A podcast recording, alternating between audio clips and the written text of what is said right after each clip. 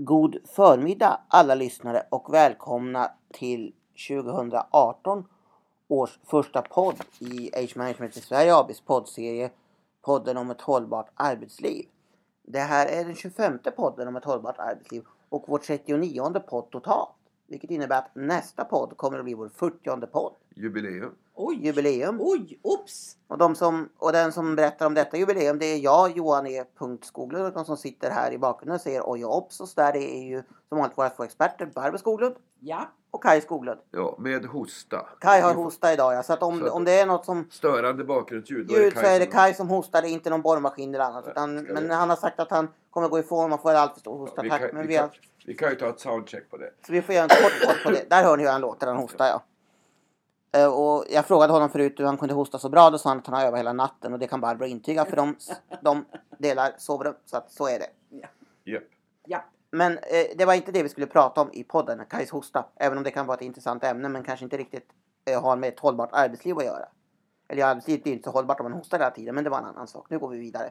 Utan eh, eh, min uppgift i vårt lilla företag är ju inte bara att sitta här och prata i podden. Det fyller inte hela min tid utan jag är även anställd som Eh, många andra saker men en av dem är omvärldsbevakare. Och då brukar jag regelbundet söka på nätet efter ett litet ord, nämligen ordet åldersmedvetet.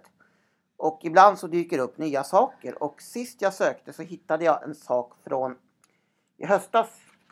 Det vill säga slutet av eh, eh förra året, i hösten.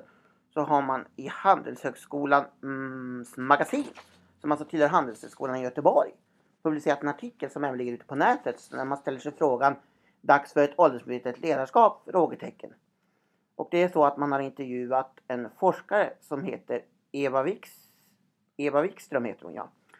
Och eh, hon har då med sina kollegor i ett projekt så bjöd de då in till runda bordsamtal. Man ska jobba tillsammans med företagen för att då se då hur man ska kunna eh, attrahera eh, äldre arbetskraft. Alltså vad, Eva Wikström studerar vad händer på arbetsplatsen när vi närmar oss pensionsåldern. Och det är på det nya tvärvetenskapliga forskningscentret AgeCap som man betyder frågor, belyser frågorna från flera håll. Och eh, kraven då från de här företagen som skulle få delta i de här bordssamtalen det var att man jobbade med någon form av åldersmedvetet ledarskap. Och eh, vi på företaget här blir ju extra glada så fort ordet åldersmedvetet ledarskap kommer på tal eftersom det faktiskt var vi som ja, myntade eller hittade på eller vad man ska säga.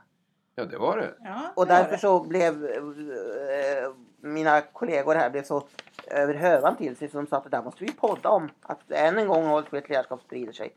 Så det var de som blev så glada så nu ska de få utveckla sin glädje. Vem vill börja? Ja, jag kan väl börja om själva begreppet eh, så kan jag få gå och hosta sen. Eh, Det låter bra. ja, åldersmedvetet ledarskap är en eh, översättning från engelskans Age Management. Och vi har ju det i vårt företagsnamn, Age Management i Sverige AB. Det var ju ursprungligen så att, och det här har vi berättat i andra poddar så jag ska inte fördjupa mig i det, men det, det var ju när vi ramlade över den mycket gedigna finska forskningen om äldre i, i, i arbetslivet. Hösten 2000, Ja, alltså, hö- alltså november, oktober, november förra året så är det 17 år sedan. Ja. Det var inte direkt vi kom på det utan när vi satt och resonerade så sa vi att eh, vi måste ju hitta på ett svenskt uttryck som belyser vad det här handlar om.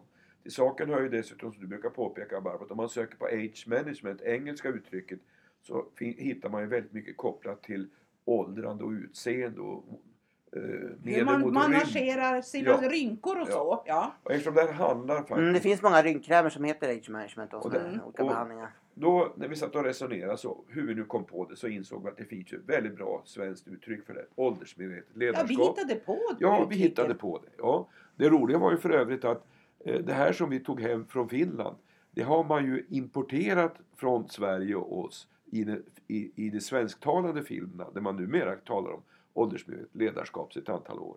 För det handlar ju faktiskt om, om ledarskap som bygger på kunskap hur ålder både kan, på, kan påverka arbetsförmåga både positivt och negativt. Ja, Dags för mig att gå och hosta. Ja, precis. Eh, Jag ska bara fördjupa mig lite mer i det där. Det är inte bara negativt utan man kan säga så här att hur ålder kan respektive inte kan påverka arbetsförmågan. Det som är det intressanta, förutom att vi är jättestolta att, att ha myntat uttrycket, Och det, som, Ja, det är väl roligt att det dyker upp i, så, i många olika sammanhang. Ja, och det, först så var vi liksom så här protektionistiska, ni vet. För vi, vi hade en massa vi, vi har massa varumärken där åldersmedvetet ledarskap ingår i fortfarande.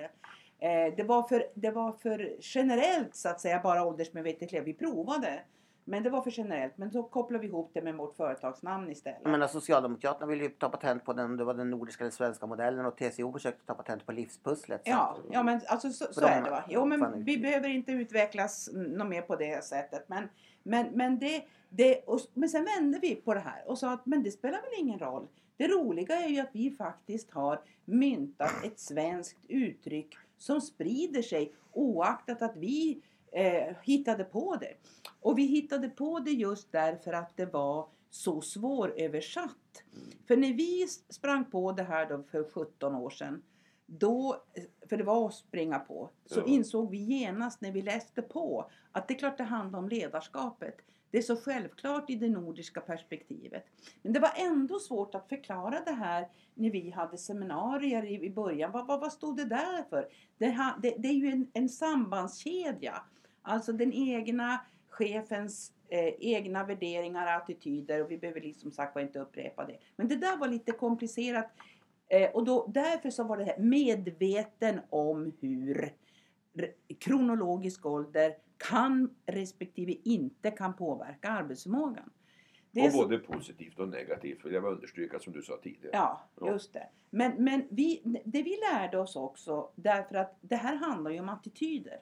Och det som är det viktiga är eh, egentligen handlar om hur man uttrycker sig. Mm.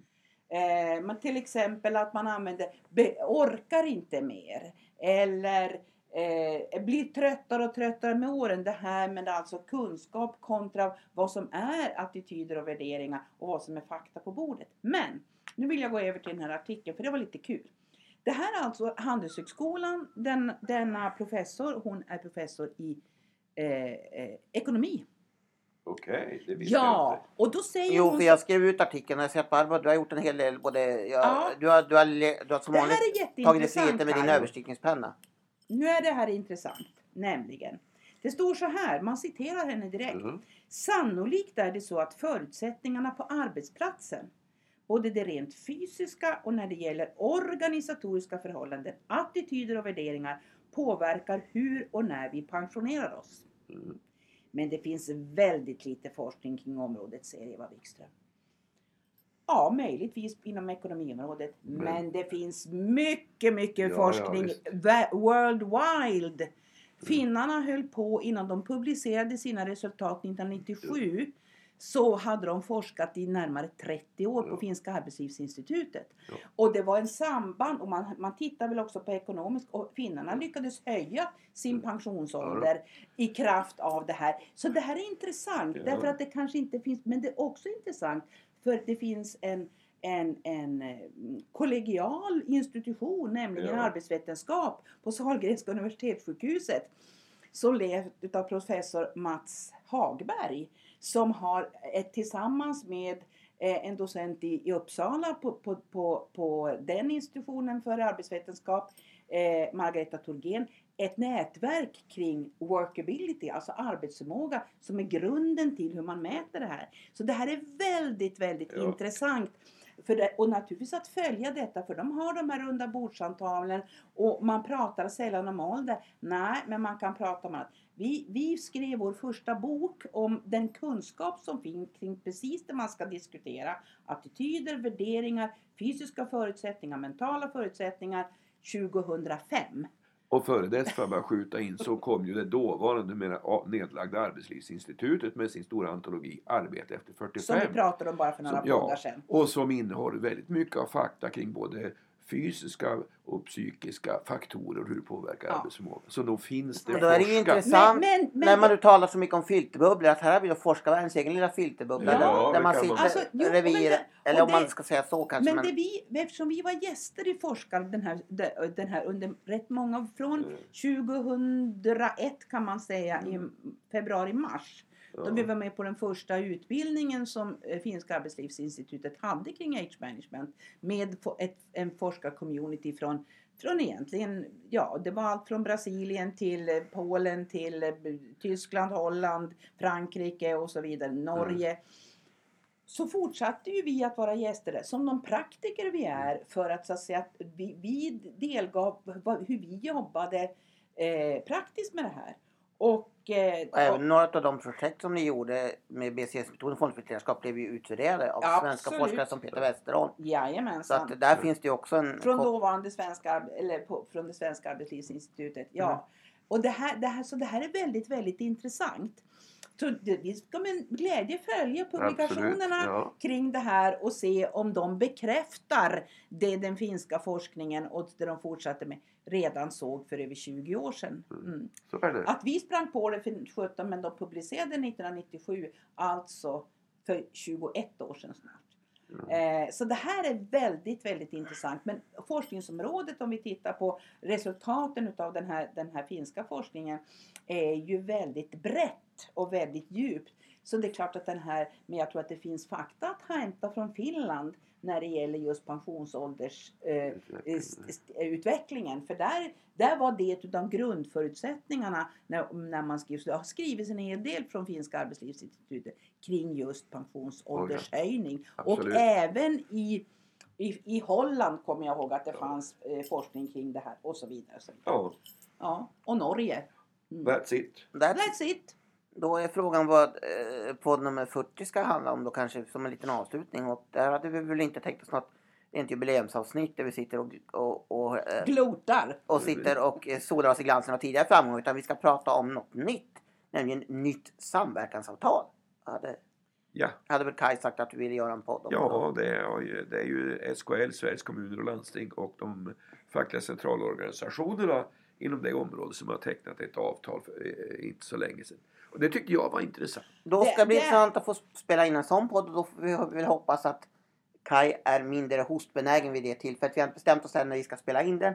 Men vi har bestämt att vi ska spela in den när Kai har slutat hosta, så långt Ja. vet vi. Så, att, man kan säga så så, här. så dröjer podden ett tag så vet ni att det beror på att Kais hosta tyvärr har blivit En långvarig. liten, en liten cliffhanger. Ja, gärna, det får du bjuda på. Samverkansavtals eh, samver- innehåll i samverkansavtal kan vara väldigt betydelsefulla beroende på hur man agerar ute på första linjen och i organisationen, alltså i kommunen eller regionen eller landstinget när det gäller tillämpning utav det här. Just det. För det är ju det, Det- vi har sett Det är det vi har sett. Vi, vi ser ju tillämpning, så vi studerade det här rätt noga när det kom för att se vad gör man och vad gör man inte, förändrar man och på vilket sätt. Så det här ska bli en intressant podd. Men det tar vi då. Ja, Ja. Det tar vi då. Så då ber vi att få tacka för oss idag. Det är jag som tackar i Johan i Skoglund. och Barbro Skoglund. Och vill Ja. Kaj avsluta med att hosta eller säga tack? Jag säger bara tack. Då Tack kör vi på det. Tack och hej!